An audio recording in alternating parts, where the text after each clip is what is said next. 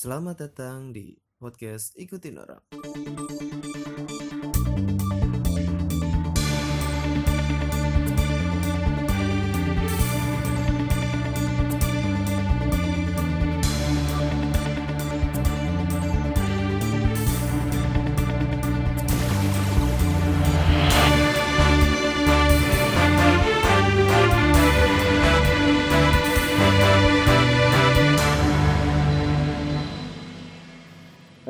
Selamat datang di podcast Ikutin Orang episode kelima hari ini. Bersama gue Dit Butet dan gue Fikri Gemper. Dan kali ini kita mendatangi seorang yang punya usaha dan ada podcast juga podcaster juga seorang iya. podcaster juga dan yang punya usaha bisa dibilang startup tapi bukan di bidang eh, aplikasi. Ya aduh kok diem Iya eh, bersama siapa di sini kenalin Oke, salam kenal teman-teman dari ini ada sebutannya nggak buat mereka yang dengerin itu? enggak ada soalnya soalnya ada yang dengerin aja syukur pak Kirain ada ada nama khusus broker gitu. Nggak ada. Dan eh, beliau ini salah satu dosen gua Pak. Wadah. Dosen dosen gua, dosen gua dan dosen dosen yang lumayan eksentrik dah Iya. di, di kampus. Iya lumayan eksentrik. Salah satu yang eksentrik Pak. gaul gaul Gaul, gaul, Gaul. gaul. Masih muda, masih dibilang muda buat buat seumuran dosen dan dia ini eh, salah satu orang yang waktu gua diajarin ini bikin terobosan-terobosan baru Pak. Wah. inovasi berarti ya? Iya, terobosan-terobosan salah satunya adalah kita suruh suruh datang nih Per ke tempat-tempat startup. Nah, ke tempat startup buat at least tahu, at least buka link di situ lah. iya ya Kayak kayak misalnya eh, lu terserah mau dia ngomong waktu itu. Beliau nih, iya. Di samping gue ini ngomong waktu itu kayak eh kesapamnya nggak apa-apa. Yang penting tiga orang yang menjabat dengan jabatan yang berbeda. Yang penting lu tahu gitu gambaran kerja di situ sama ya buka-buka link dikit lah. Ini dia eh, founder dia juga dari eh eh, podcaster juga dari Suara Kita. Podcaster dari Suara Kita di Dijual. Spotify. Di Spotify ya Oh, di ada, di Spotify ada. Terus founder dari Kaizen Room. Oke, deh. Ya, betul. Bisa dia dijelasin Kaizen Room itu apa? Oke deh. Baik. Eh, salam kenal teman-teman pendengar ikutin orang. Semoga makin bertambah pendengarnya. Amin. sekaligus dengerin gue di sini. Oke, eh, nama gue Aidil, jadi teman-teman bisa manggil eh, Kak biasanya, tapi kalau Adit di sini bisa manggil Mas. Ya, Mas Aidil. Pesen teh manis. Wah. Iya benar tadi dari kata Adit, eh, gue dosen di salah satu universitas swasta. Ya mungkin kalau tahu Adit kuliah di mana, berarti tahu juga. Gitu ya. Eh, banyak hal-hal aneh yang pengen gue sampaikan sebenarnya ke anak-anak atau ke mahasiswa khususnya tentang soft skill khususnya tentang gimana caranya pengembangan diri dan sebagainya gue pengen teman-teman semua tuh tahu bahwa persaingan di luar rame banget. Gila ketat banget. Kalau memang ternyata nggak ada skill atau bahkan bekal yang mumpuni gue takut ya lu malah nggak bisa ngapa-ngapain pada akhirnya. Yang memang akan isi spot-spot di eh, beberapa jabatan ya mungkin mereka-mereka yang eh, sudah memiliki pengalaman kerja atau sudah memiliki banyak eh, skill di beberapa bidang tertentu. Karena itu selain jadi dosen, gue juga coba untuk bikin beberapa kelas gitu ya. Ada ada satu tempat yang memang gue namakan Kaizen Room. Jadi Kaizen Room itu sendiri sebenarnya diambil dari bahasa Jepang atau Kaizen gitu ya. Iya. Tapi kalau orang nggak tahu, nggak ada roomnya gitu, ya, ngomong cuma Kaizen, itu kayak barbershop. Soalnya ada di di di, di kota kita tuh ada di kota sekarang ini ada ada Kaizen yang hampir sama lah namanya. Iya. Makanya spesifik coba. Betul, Kaizen barbershop. Nah, ternyata ini Kaizen room aja. Ada juga ternyata pas emang lewat di sekitar Juanda, Depok, ada Zen. Oh ada juga Zen. Ternyata itu tempat spa. Wah.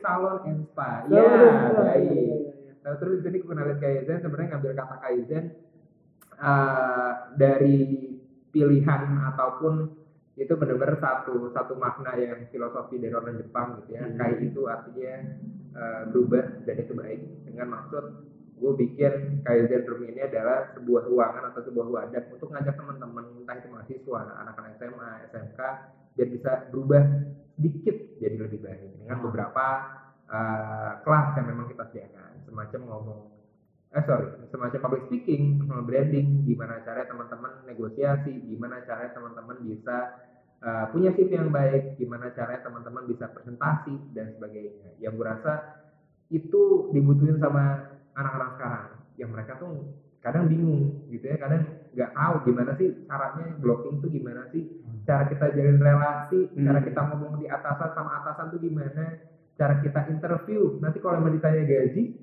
jawabnya apa ya? Hmm. gitu. Dan sekarang budayanya udah cukup berubah karena itu sempat minta tolong ke Adit dan teman-teman yuk coba deh lu masuk ke ruang ataupun ke lingkup startup ke kantor yang memang mereka budayanya sudah lebih santai nggak konvensional. Mereka mungkin ada jam kerja tapi nggak terlalu berpatokan dengan itu. Ya beberapa pekerjaannya mungkin bisa lu kerjain di rumah. Nggak fokus lu harus di kantor dari jam 9 sampai jam 5 sore tapi mereka tetap butuh tanggung jawab lu. Ya memang mereka percaya bahwa lu ngerjain satu hal lu ngerjain yang A dan gue tahu lu akan beres ngerjain yang A gitu. Itu udah selesai gitu. Dan nggak ribet masalah pakaian nggak harus pakai pantofel Eh, karena pendek pakai kaos jadi baju-baju kuliah lu masih bisa dipakai gitu. itu sih maksud gue untuk bangun relasi untuk nambah wawasan teman-teman juga yang mahasiswa. Gue kasih lihat ya itu loh sekarang industrinya lu bukan lagi untuk duduk kerja aman di kantoran dan sebagainya. Sama dengan teman-teman di sini teman-teman yang bikin eh, podcast ngikutin orang ini sebuah karya. Wah, Benar. jadi jangan sampai di pause jangan di pause. Jangan Ya, di bawah. itu sedikit tentang Kaizen Room Oh ya, jadi eh, Kaizen Room ini intinya eh, segmennya itu awalnya buat ke mahasiswa bapak kan? yes Buat ke mahasiswa yang ada di salah satu universitas itu. betul. Tapi ternyata waktu eh, saya pribadi kan pernah ikut berapa kali? Satu kali lah. Satu kali seminarnya dan dan itu yang datang tuh nggak cuman nggak cuman anak kampus gue per Enak ya. iya tapi anak-anak dari luar dan waktu itu pernah ada yang binus malah ya iya. Dari binus Oh. ibaratnya jauh dari Depok kan. Hmm. yang dari binus ada juga anak SMP per Anak SMP ada SMP ada per serius maksud gua eh, gua jadi iri gitu kayak dia masih SMP kan kebanyakan kan di seminar sini tuh dijelasin tentang eh, lu masa depan tuh gimana kayak lu cara eh, cara ke perusahaan tuh gimana cara biar interview lancar tuh gimana Pasti lancar tuh gimana komunikasi yang bagus tuh gimana dan anak SMP ada yang nyadar kalau misalnya itu tuh penting loh Iya. lu waktu SMP tuh gimana Ber? Ini tuh doang kalau ini musola doang. Iya kan? PPA doang, PPA. cuma sebatas itu kan tapi di sini tapi di Depok ini ada yang eh, anak SMP yang melek dengan masa depan. Gua itu Oh, gua iya. gua salutin banget. Dan akhirnya makin ke sini Kaizen makin luas ya pak. Iya. Makin luas segmennya dan nggak cuman nggak cuman apa namanya eh, nggak cuman anak Hmm, anak iya. Depok doang. Nggak cuman anak Depok doang anak dinas juga. Dan itu awalnya gimana bisa sih pak? Awal cuman dari sedepok doang bisa sampai keluar luar ataukah dari word of mouth apa cuman kayak eh, sebatas kayak ini teman ini teman gua ibarat- ibaratnya itu cuman anak pindahan mahasiswa pindahan gua Iya, oke oke oke. Awalnya itu memang pasarnya ditujukan ke salah satu kampus ini, ya kan. Fokusnya ke sana. Kadang merasa di kampus ini itu perlu hal-hal eh, berbau soft skill atau skill-skill yang eh, itu nggak diajarin di kelas. Skill-skill yang mungkin mereka nggak dapat di sekolah, gitu kan. Skill-skill yang ternyata ada sih mata kuliah soft skill kalau nggak salah ya. ada ada tapi nggak terlalu pergi nggak terlalu penting. Mata kuliahnya itu ngajarin untuk eh, kopas masukin blok ya Keren banget itu. dan dan itu buat gue pribadi nggak melatih apa-apa. Benar. Poinnya sebenarnya kenapa gue melakukan hal seperti ini atau tadi ada mungkin ada ya itu terlalu besar besarkan terobosan baru tapi ada ada beberapa hal yang gue rasa itu yang perlu dilakuin. Karena kuliah sekarang itu banyak banget teorinya. Sementara mereka lupa dengan prakteknya seperti apa. Ada Hmm. banyak hal yang diterima tapi belum tentu itu kepake. Iya sih. Ada banyak bahan yang emang dikasih nih lo belajar A B C tapi ternyata yang dipakai itu yang Z. Oh iya benar. Malah malah kita nggak dapat yang malah kita nggak dapat yang harusnya dipakai Iya. gitu kan. Nah eh, kalau emang tadi pertanyaannya kenapa bisa meluas awalnya memang itu sedikit demi sedikit. Parah gue hampir mau tutup. Gue gue gue nggak percaya diri karena eh, kalau emang pasar di, di satu kampus ini itu nggak kelihatan sama sekali nggak kedengeran. Orang-orang masih nggak peduli. Orang-orang masih nggak peduli. Orang masih nggak peduli. Saat itu eh, cukup rehat cukup lama sekitar enam bulan gue lagi mikir ini cara baru gimana sih buat memperkenalkan ke lebih banyak orang? Ya udah pada akhirnya nyampein konten-konten informatif di Instagram. Hmm. nyampein konten-konten informatif di eh, Google My Business. Terus saat memang gue ada ngisi acara di beberapa tempat ya gue sampein dong ini tuh kayak room apa dan sebagainya. Memang dari word of mouth tapi yang jelas mereka-mereka yang datang ke sini lebih banyak yang udah ketemu gue lebih dulu. Gitu jadi tahu dulu ini siapa sih? Si Edil ini siapa sih? Mau ngapain sih? Dan sebagainya. Setelah mereka udah tahu tujuan gue mau apa mereka bisa lihat kelasnya apa mereka tinggal pilih sendiri butuhnya apa dan ini baru gue sampein pertama kali belum ada orang yang tahu jadi hanya pendengar dari eh, ikutin orang aja yang tahu jadi ada kelas baru di Gazen Room di bulan April itu kita ada kelas masak Masak. mampus mampus Masak. Masak. mampus Masak. Bener-bener. Serius kelas Kalau dibilang keluar jalur, keluar jalur banget ya.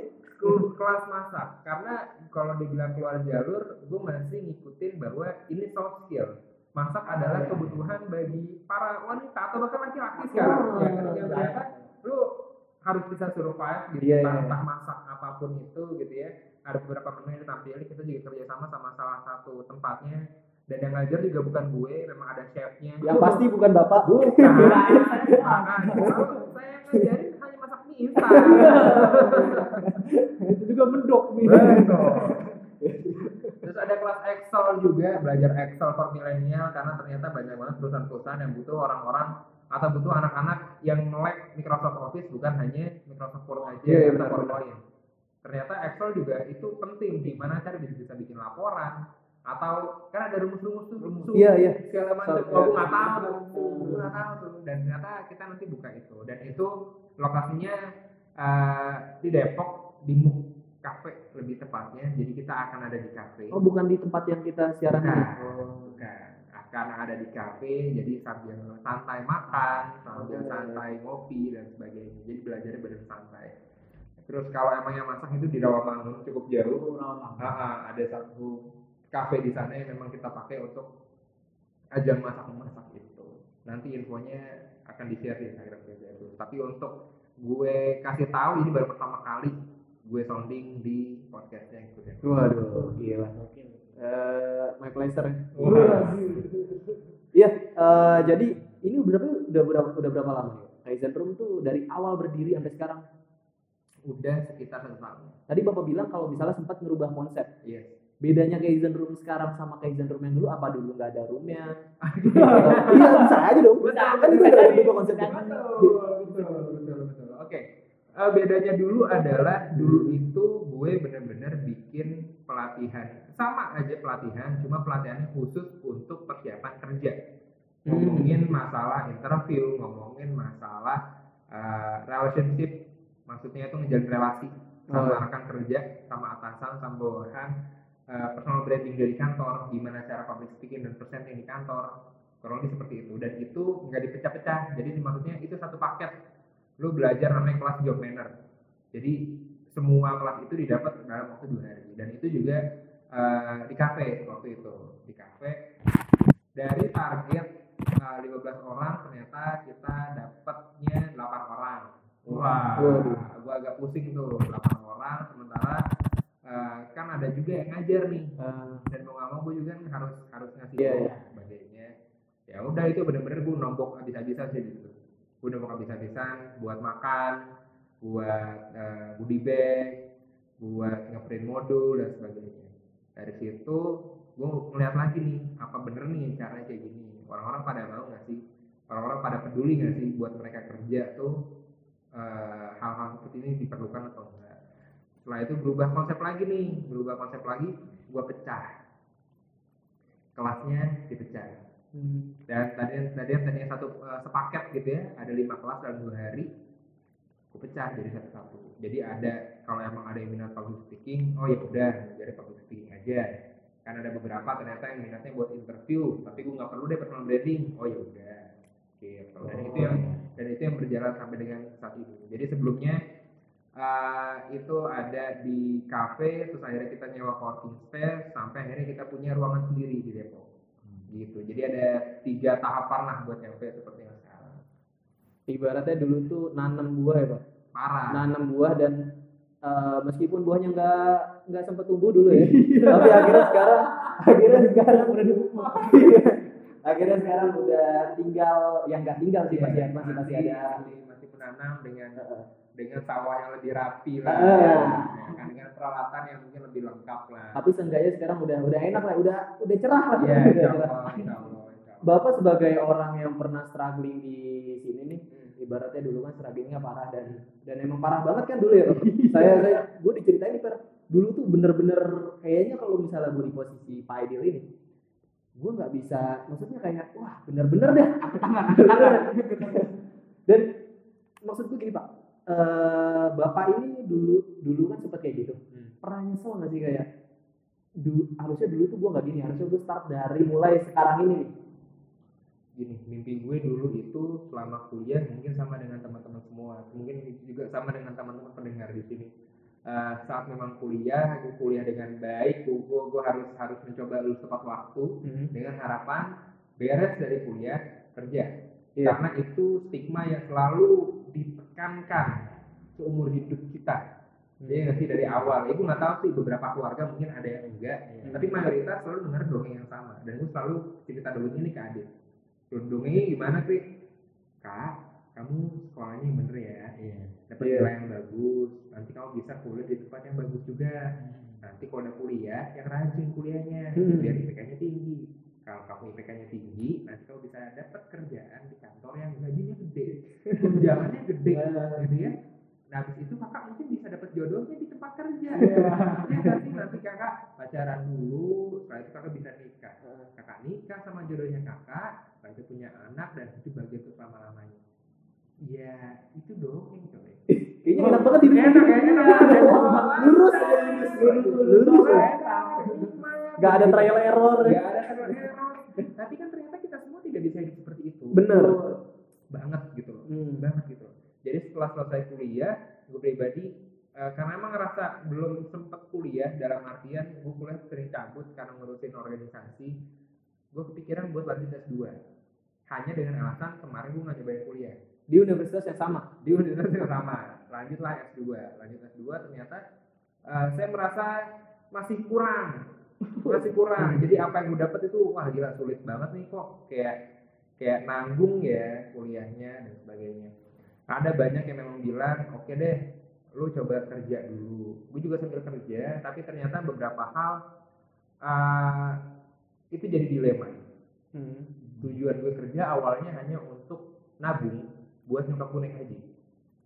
Gimana caranya? Ya Allah gimana caranya punya gaji yang bisa berangkatin mama dikasih deh tuh salah satu pekerjaan eh elit lah di daerah kuningan Sudirman Waduh, gitu ya. udah udah udah cu- cukup dari namanya, Wah. dari alamatnya aja udah. Kuningan, Sudirman. Sudirman.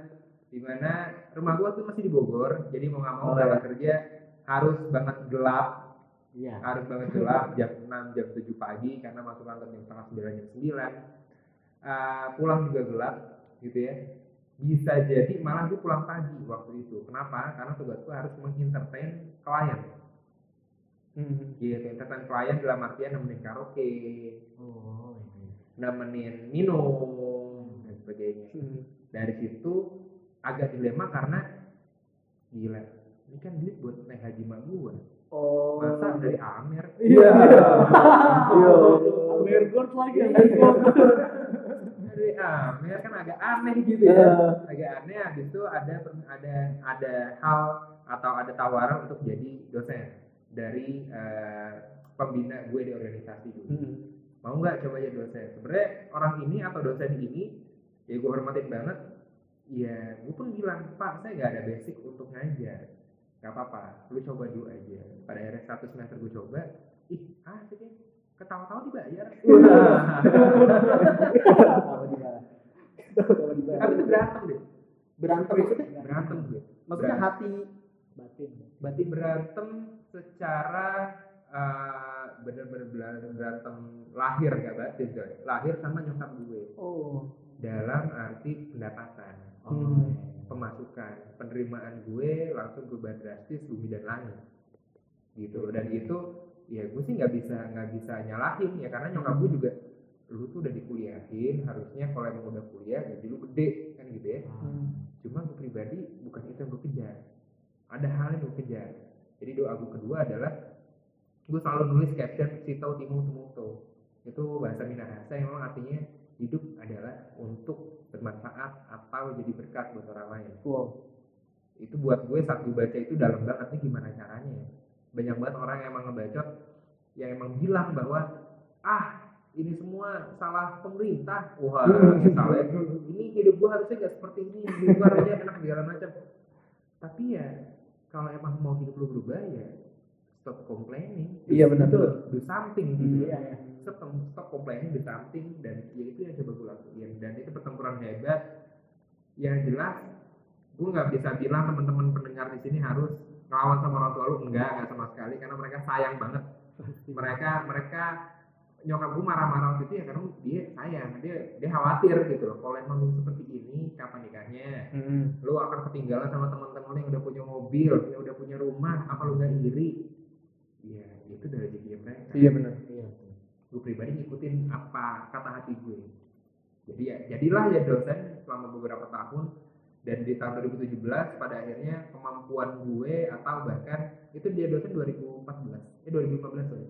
2015 dan di tahun 2017 gue baru ngerti bahwa apa yang gue punya itu ternyata lebih.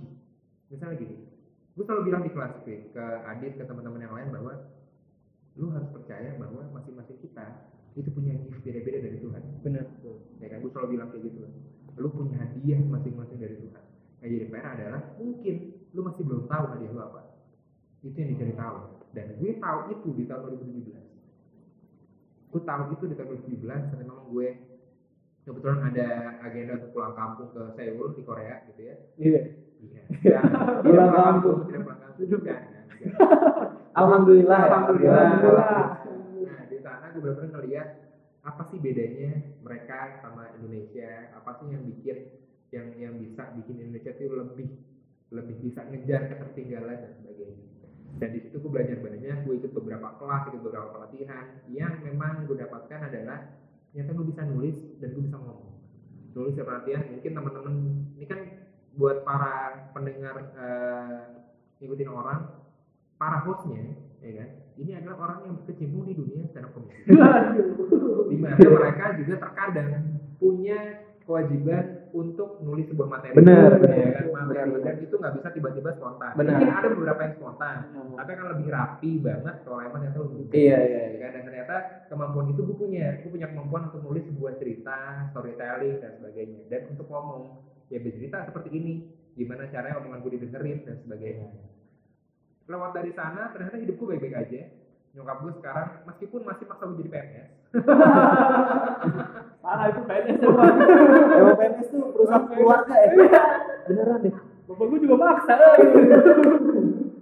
tapi jadi tapi jadi ya sekarang udah udah udah mulai ngerti gitu ya udah mulai ngerti bahwa oh anak gue baik-baik aja anakku masih bisa makan masih bisa Hmm. hidup dengan layak dan ya gue pribadi nggak iri dengan hidup teman-teman gue gitu ya mungkin ada mungkin ada satu hal yang gue syukurin bahwa kalau emang gue gak ngambil jalan kemarin cabut dari Sudirman Kuningan jadi dosen ya itu nggak akan ngebentuk idol yang sekarang. Gitu. Jadi kalau emang tadi peta, inti dari pertanyaan Adit adalah nyesel apa enggak gue selalu bilang kalau memang dikasih kesempatan ketemu Doraemon ya ya, terus harus main ke kamar Nobita naik mesin waktunya Nobita harus balik lagi ke masa lalu oke gue akan kembali ke masa lalu. Tapi gue akan ngelakuin semua hal yang gue lakuin dulu. Semua hal sama dulu kesalahan-kesalahan gue apa pun yang menurut gue benar ya itu akan gue jalani sampai dengan hari ini kenapa ya karena itu yang membentuk gue sekarang gue bersyukur dengan apa pun yang iya skenario yang udah ditulisin buat gue waktu itu jadi tidak ada penyesalan sama sekali Hmm. Berarti eh, analoginya gini kayak gue punya analogi sendiri nih kan. Hmm.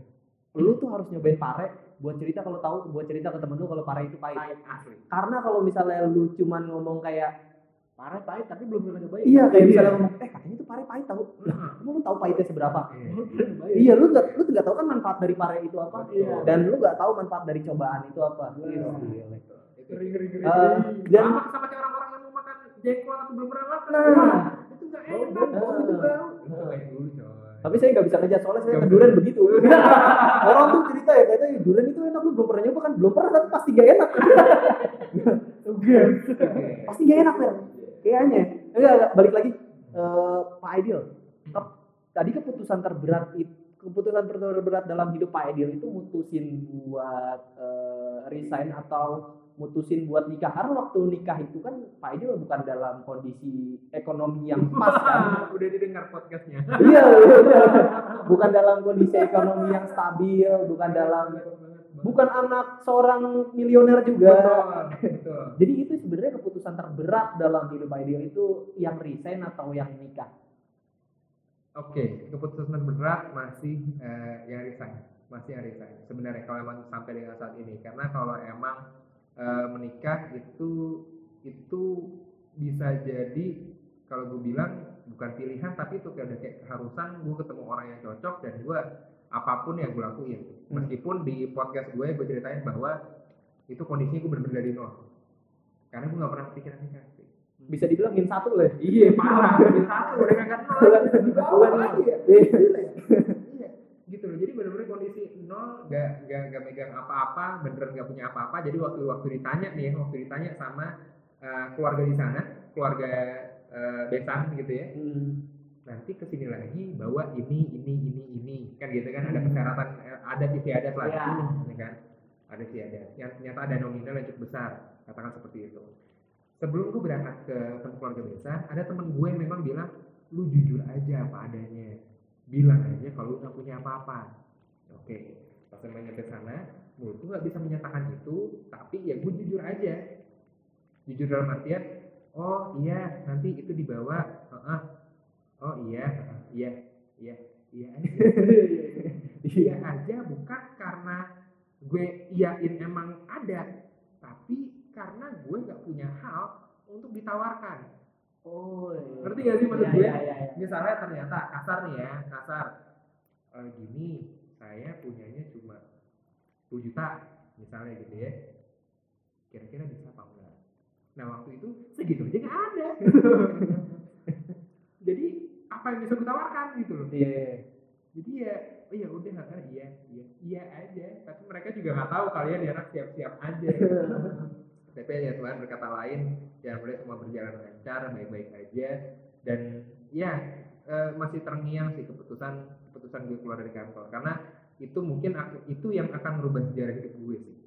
Itu merubah sejarah hidup gue banget. Menikah yang merubah sejarah hidup Bapak. Menikah iya diawali ya dari resign. Oh, dari resign itu Iya, ibaratnya iya, diawali dari resign. batu loncatan ya, batu loncatan buat ke arah yang hidup lebih baik. batu loncatan Meskipun- hidup, hidup lebih baik versi gue ya Ah, Karena meskipun ada- kalau hitung-hitungan matematika itu Iya. beda banget ya.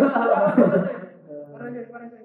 tapi semakin ke sini ap- nah, apalagi setelah menikah kalau emang sekarang udah denger podcast gue menikah beres menikah itu duit kita berdua gue sama istri gitu ya gue sama istri digabung itu cuma dapat seratus ribu Waduh. dengan kondisi itu masih harus tinggal di kosan kita harus makan buat sebulan ke depan dan sebagainya empat ratus ribu iya iya kalau kalau anak-anak SD yang denger nih ya kalian kalian yang SD denger Gede banget. banyak Banyak. Gede banget. Banyak, Bisa, bisa beli keras gear ya. Bisa beli Iya. bebek. Iya. banyak banyak tapi ternyata ya alhamdulillah ada jalannya aja dan gue percaya matematika Tuhan itu satu tambah satu ya bisa jadi sepuluh Benar benar. Berarti eh, apa namanya menikah itu membuka pintu rezeki itu bukan tahayul ya? bukan tahayul Bukan tahayul, itu benar-benar. Karena udah dikasih gue sayur. udah nyobain gue udah nyobain gue udah nyobain yang ya terserah ya kalau emang ah bohong nih ya nggak tahu karena itu benar-benar mesti dicobain Dan pintu rezekinya tuh bukan dari malah bukan dari hal yang terduga ya pak. Kayak misalnya Kaizen dulu yang dulunya maksudnya kayak gitu tiba-tiba Iya. bapak bisa nemu Betul. konsep baru itu kan dari salah satu rezeki ya. Betul. Nemu konsep yang lebih baik dan Yes. lebih bagus dan Yes. akhirnya bisa bisa memperlebar sayap lah. Yep. Ketemu orang baru. Berarti intinya itu eh, yakin dengan omong ah, omongan yakin dengan eh, pribadi kita atau atau ya udah jalanin aja. Menurut bapak itu gimana? lu harus punya tujuan. Jadi gue selalu bilang kalau emang orang-orang yang pilih gue jalanin aja lu tuh kayak eh, ngambang. Ah, iya maksudnya ya udah lu ya lu cuma ngikut aja. Tapi ternyata kan kita di sini bukan ee ya. Kita di sini bisa pilih jalur kita sendiri. Iya. kita sini bisa bisa pilih jalan kita sendiri ya kan? Lu mau jadi yang A lu mau jadi yang B lu mau jadi yang C. Dan itu ada beragam pilihan sebenarnya Tuhan itu ngasih berbagai, ber- berbagai macam skenario nih Hmm. tugas lu adalah tinggal milih dan kalaupun ternyata udah lu pilih tugas selanjutnya adalah lu nggak usah nengok ke belakang untuk nyeselin gitu. karena itu udah lu pilih ya ya yang kadang orang lupa adalah lu harus bertanggung jawab sama pilihan lu Hmm. lu udah milih itu ya lu jalan sebaik-baiknya karena itu tugas barunya saat setelah memilih bukan setelah ah anjir udah milih yang A bisa nggak sih baik lagi Iya, Ya, iya. gitu ya kalau emang ada kesempatan lagi ya mungkin bisa lu perbaiki tapi ya gue pribadi sih saran ya nggak perlu ada yang lu sesalin dengan apa yang sudah terjadi di sekarang Oh, iya. Menurut Pak, nyebur mas kalian nyebur. Nah, Iya. iya, benar-benar. kalian nyebur aja habisin aja Dan eh, tadi ngomongin Kaizen, sedikit ngomong Kaizen, terus sedikit juga ngomong tentang masa lalu. Sekarang Bapak belakangan ini udah udah sebulan, Bapak ini bikin podcast ya. Bikin podcast suara kita yang mana gue dengerin juga. Gue ngedengerin eh, semua episodenya. Iya semua episode gue dengerin Pak. Yang pertama gue pertama banget gue dengerin itu yang buku. Dan yang paling relate ke gue ya, yang paling relate ke gue dan yang paling setuju ya buku. Soalnya kenapa? Karena kalau BB, apa, waktu waktu ngomongin HP itu kayaknya BB itu di anak jadikan ya. iya iya Dan gue gue kayak gue tuh pecinta BB, gue BB ya. pecinta BB. Dia tuh pecinta BB dan di situ porsi ngomong BB itu sedikit. Oh, Jadi iya. agak agak aduh lu janganlah. ini ini agama gue nih.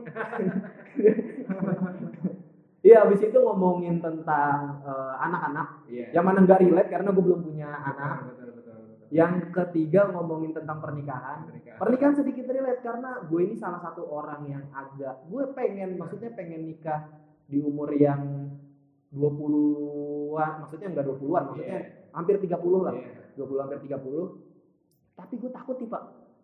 Gue bukan takut harta, gue bukan takut apa. Dan kebetulan eh, eh, pacar gue yang sekarang ini orang tuanya juga baik ya, maksudnya kayak kalem.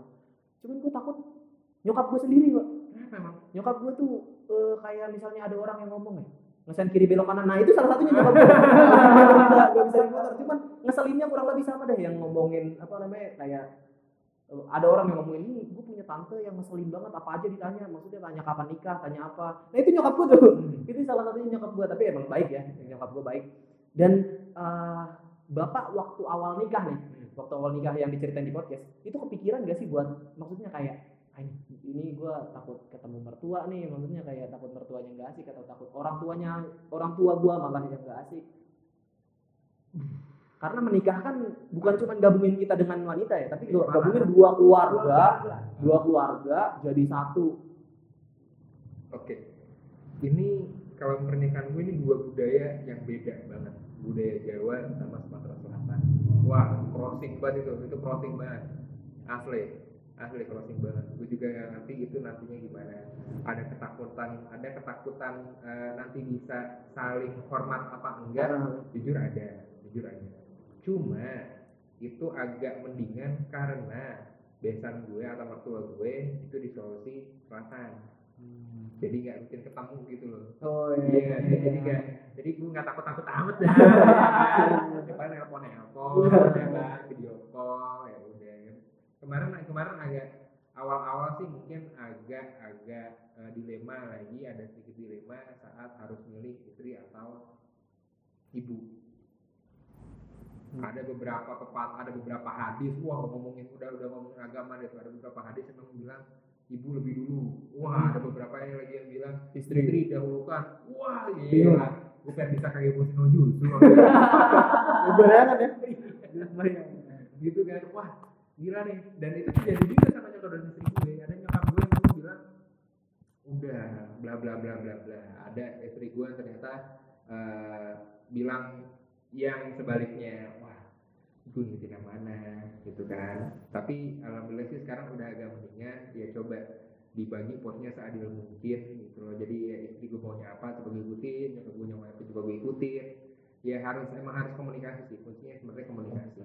Nggak usah nggak usah diem karena banyak banget ternyata keluarga-keluarga yang itu lebih mendem ngerti nggak? Gue kesel gitu ya. Wah terus dipendem. Nah gue nggak bisa kayak gitu tuh.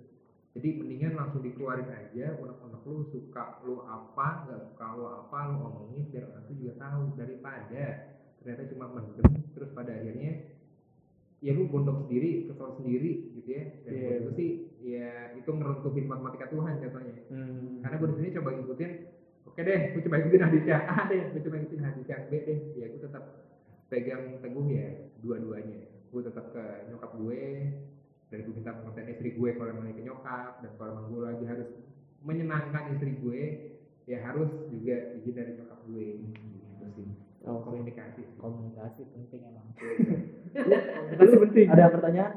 Chris, kan Chris. apa ya Gak apa-apa, mikir lama gak apa-apa, ntar gue potong. Ntar gue potong. Eh, biasanya tuh kalau misalkan pelatihan kan ini kan kaizen room kan Iya, ya Kaizen Oke, room. balik lagi ke awal. Iya. Oke. Baik, apa, oke. Gak apa-apa ya lompat-lompat ya. Gak apa-apa dong. Soalnya eh, gimana ya? Kita ini podcast yang raw ya, maksudnya Iya. cukup mentah. Ah, Jadi nggak ada nggak ada list. Soalnya Iya. pernah pernah waktu pertama bikin list gitu di, di ituin di dimarahin sama salah satu bintang tamu katanya. Udah lu gak usah bikin list, bukan dimarahin diingetin. Udah lu gak usah bikin list. Ngalir aja karena Iya, kalau bikin iya. list itu kayak ada kartunya. Betul. Gua kira dia bener, pas gue rekam di sini salah ternyata. Tapi nggak apa-apa lah ya. Oh. kalau kaizen room ini biasanya pelatihan pelatihannya itu bisa sehari apa seminggu atau enggak dua hari gitu Dia sekarang sekarang sih pada akhirnya sehari, sehari selesai. sehari selesai Sehari selesai. Ada beberapa yang memang diinisiasikan untuk beberapa hari. Contoh kita ada kerjasama sama Fokus UMKM karena sekarang bener kata Adi tadi udah udah udah ngeluas gitu ya pasarnya nggak cuma nggak cuma mahasiswa tapi ternyata kita juga ngerambah ke UKM UKM yang mau belajar eh, kode digital. Mereka mau Hmm. belajar kalau bisnisnya buat online itu gimana dan sebagainya. Jadi kerja sama-sama Fokus UMKM buat ngisi pelatihan di sini. Terus ada juga kayak tadi Excel itu dua hari. Nanti oh iya ada satu kelas lagi kita akan mainan saham.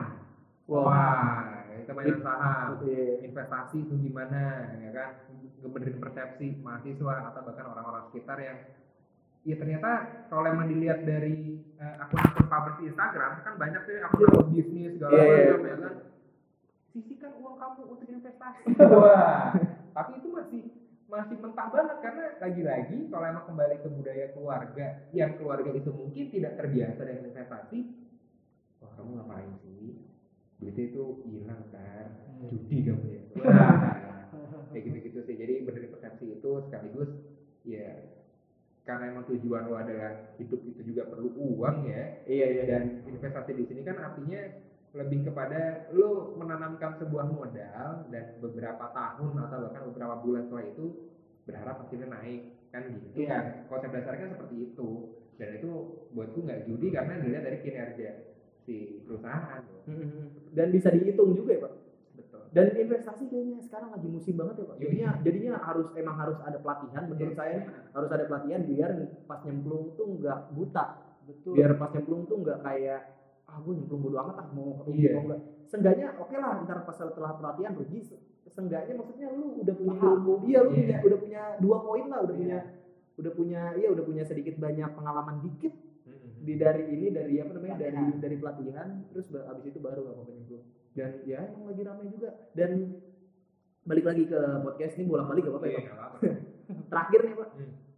itu suara kita itu podcast suara kita podcastnya bapak itu emang dibuat buat kayak misalnya ada beberapa misalnya kayak bapak mikir kayak "Wah, ada beberapa hal yang nggak bisa gue omongin di seminar. Gue bikin Iya. podcast deh apa? Atau cuman kayak ah gue seneng seneng aja sih. Siapa tahu dapat segmen baru di luar eh, ini di luar eh, kaizen. Itu gimana tuh awalnya memang iseng jujur aja awalnya emang iseng. Kita mau kita, kita coba nyoba ini yuk nyobain yuk. Ngobrol-ngobrol tawa TV ngomongin smartphone itu masih gak jelas tuh. Hmm. itu masih gak jelas terus habis itu kita pikirin. Kira-kira kalau emang mau ngomongin dan banyak yang denger selalu main banyak yang denger tuh ya smartphone pertama tuh. Kan bisa kelihatannya di ini. Iya, iya, iya, di iya, bisa kelihatan. Bisa dikasih tahu nominalnya pak? Hah? Boleh dikasih tahu nggak nominalnya? 200 lah. Ya ini lanjut. Kita kita kalah jauh. Sebelas. Yang dengar sebelas tapi itu yang terakhir. Yang terakhir Terakhir, sebelas. terakhir, terakhir. tapi paling paling bagus di kita aja kalah. Ya iya iya. Gitu jadi itu terus oke deh kayaknya mesti dikonsepin nih. Kita nyari apa sih? Oke deh kita coba cari hal-hal eh, yang memang relate sama kita atau yang relate sama seumurannya kita. Kayak kemarin ngebahas masalah anak kecil. Meskipun gue juga belum punya anak cuma gue cuma ngasih lihat pandangan gue. Kalau emang ternyata anak kecil yang memang cuma dibiarin ah namanya juga anak kecil. Terus tiba-tiba dia lagi lagi bongkar-bongkar tempat sampah ya kan? Ya kan lagi lagi makan-makan korek ya kan? Iya namanya juga anak kecil. Ingin ingin nggak bisa lu biarin gila. Maksudnya ya sebagai orang tua kita juga punya tanggung jawab untuk ngasih tahu hal itu. Apalagi kemarin lagi ramai tuh MRT coy. Oh, iya, iya, yang iya, iya, iya, iya, iya, eh, piknik di stasiun. Iya. Iya, kan? Ya, jangan jangan ada pemaaf. Seenggaknya oke lah dimaafin, cuman kasih kasih Iya. kasih teguran lah ya. Betul, kasih kasih teguran, kasih ya itulah mungkin yang memang masih PR besar juga di Indonesia ya ngomongin masalah pendidikan atau ngomongin Mental, masalah mental juga bisa dikasih tahu apa enggak gitu dikasih tahu apa enggak. Jadi emang eh, di suara kita nih yang ngomongin ngomongin hal yang mungkin tadi Adit benar bilang hal-hal yang mungkin nggak bisa dibicarakan di seminar atau bahkan di kelas jadi udah ada beberapa materi nih ada beberapa materi itu ngomongin lima tahun ke depan itu akan ada apa ngomongin tentang budaya kerja di eh, startup sama yang konvensional itu bedanya apa Hmm. ngomongin tentang eh, mungkin yang kemarin pernikahan ngomongin tentang Bumbu. milih barbershop apa pangkas rambut Oh, itu? Asgar itu nanti ada Oh, nanti ada? nanti ada pilih eh, ya berbagai macam berbagai macam pilihan itu sih maksud gue kita nggak nyalahin tapi ya itu pilihan.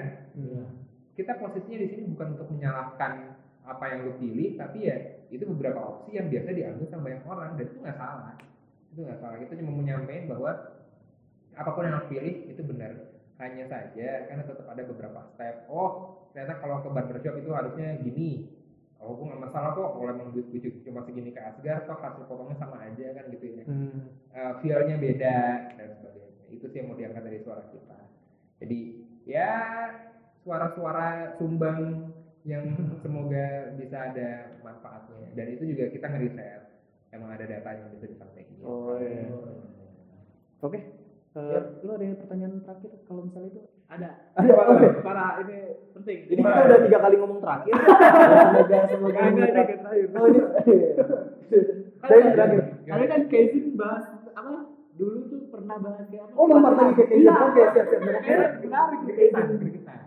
Ada apa namanya pelatihan interview kerja gitu Yes. ya. Nah itu tips-tips interview tuh gimana? Sedikit aja, sedikit, Iya. sedikit tips Karena interview. saya sering interview tapi gagal mulu. Lu sebagai orang anak psikolog, iya, saya gagal mulu. Jadi- vis apa CV saya itu ada senap cikarang. ada ada ada ada ada. Apa-apa. Iya, iya, bener. dan dan itu mematahkan stereotip anak Iya. stereotip orang kalau misalnya anak psikolog itu bisa baca pikiran orang enggak juga lu ya Enggak juga. Iya, Emang, iya. psikolog bukan baca pikiran orang. cuman belajar belajar tentang sifat ya tentang perilaku. Tentang perilaku. Punya nomor ribet. Enggak Kalau emang ngomongin interview sempat sempat ngoceh sama Adit waktu itu yang sayangnya kita nggak rekam waktu itu ya yang pas di ruangan pas di kampus ya pas di kampus ngomongin CV pertama. Ngomongin CV sebenarnya CV apa aja yang perlu eh, disiapin CV yang kekinian tuh semacam apa? Itu mungkin nanti kita bikin segmen sendiri kali ya ngomongin seperti itu. Tapi singkat aja kalau memang tahapan untuk lolos interview poin utamanya adalah jujur. Kadang kita suka melebih-lebihin oh gue orang tepat waktu. Iya, benar, iya, benar. iya, Iya, benar. saya pekerja keras benar benar saya pengen ngomong tapi gak enak iya, saya orangnya punya inisiatif yang tinggi. Saya punya semangat bekerja. Saya punya eh, moral yang baik. Saya bisa bekerja dalam tim. Kalau memang ternyata ah, itu relate banget sih. Benar benar benar iya iya benar iya iya, suka melebih-lebihin soalnya anak zaman sekarang nih pak eh, prinsipnya gini. Ah udah tulis aja dulu gitu. Iya, tulis aja. tulis aja dulu. Oke, kalau memang tadi kata eh, eh, katanya adalah saat untuk interview itu seperti apa? Pertama jujur, kalau emang ternyata ada kelebihan lo ya sampaikan seada-adanya aja, nggak usah lebih-lebihin. Dan buat pribadi, kelemahan itu jadi sampaikan. Kelemahan dalam artian kalau memang ternyata lo tahu bangun pagi, lo kasih solusinya juga. Atau ternyata saya nggak bisa kerja dalam tim nih, tapi saat saya bisa bekerja sendiri, saya bisa mengerjakan beberapa hal dalam waktu beberapa jam lebih cepat dan sebagainya. Ada alasan kenapa nggak bisa kerja dalam tim. Eh, mungkin ada banyak suara jadi malah lama prosesnya kan, nggak nggak jalan-jalan dan sebagainya. Yang pertama kunci sederhananya adalah jujur, jujur. eh, rapi ya Rapi. coy lu, lu perlu rapi dulu karena grooming itu juga dipelajari dalam interview. Grooming itu adalah bukan buat pet shop bukan. Grooming itu cara lu dandan. Iya. nggak usah pakai baju-baju yang mahal enggak. Tapi pakai pakaian yang emang menurut lu nyaman. Eh, ya memang menurut lo ya itu rapi lah. Kesan rapi itu gimana sih? Di mata lo sebenarnya itu aja. Sama ya uangnya aja dulu. Wangi. Wangi, coy. Kadang ada beberapa interviewer atau beberapa HRD yang memang eh, saat baru kenalan langsung diusir ada aja Oh, gitu. iya karena baunya tidak enak Iya. Sadis juga. Kalau itu sih sederhananya. Nanti mungkin ada kesempatan buat teman-teman ngikutin orang kita ngobrol iya, sebenarnya masih banyak banget Iya. dari eh, masih banyak banget yang pengen gue tanya nih, dari suara kita sama sama Hmm. cuman ya karena waktu ya maghrib juga gak enak. Udah sekian dari gua di Butet Gua Pedri Kemper. Saya. Iya, terima kasih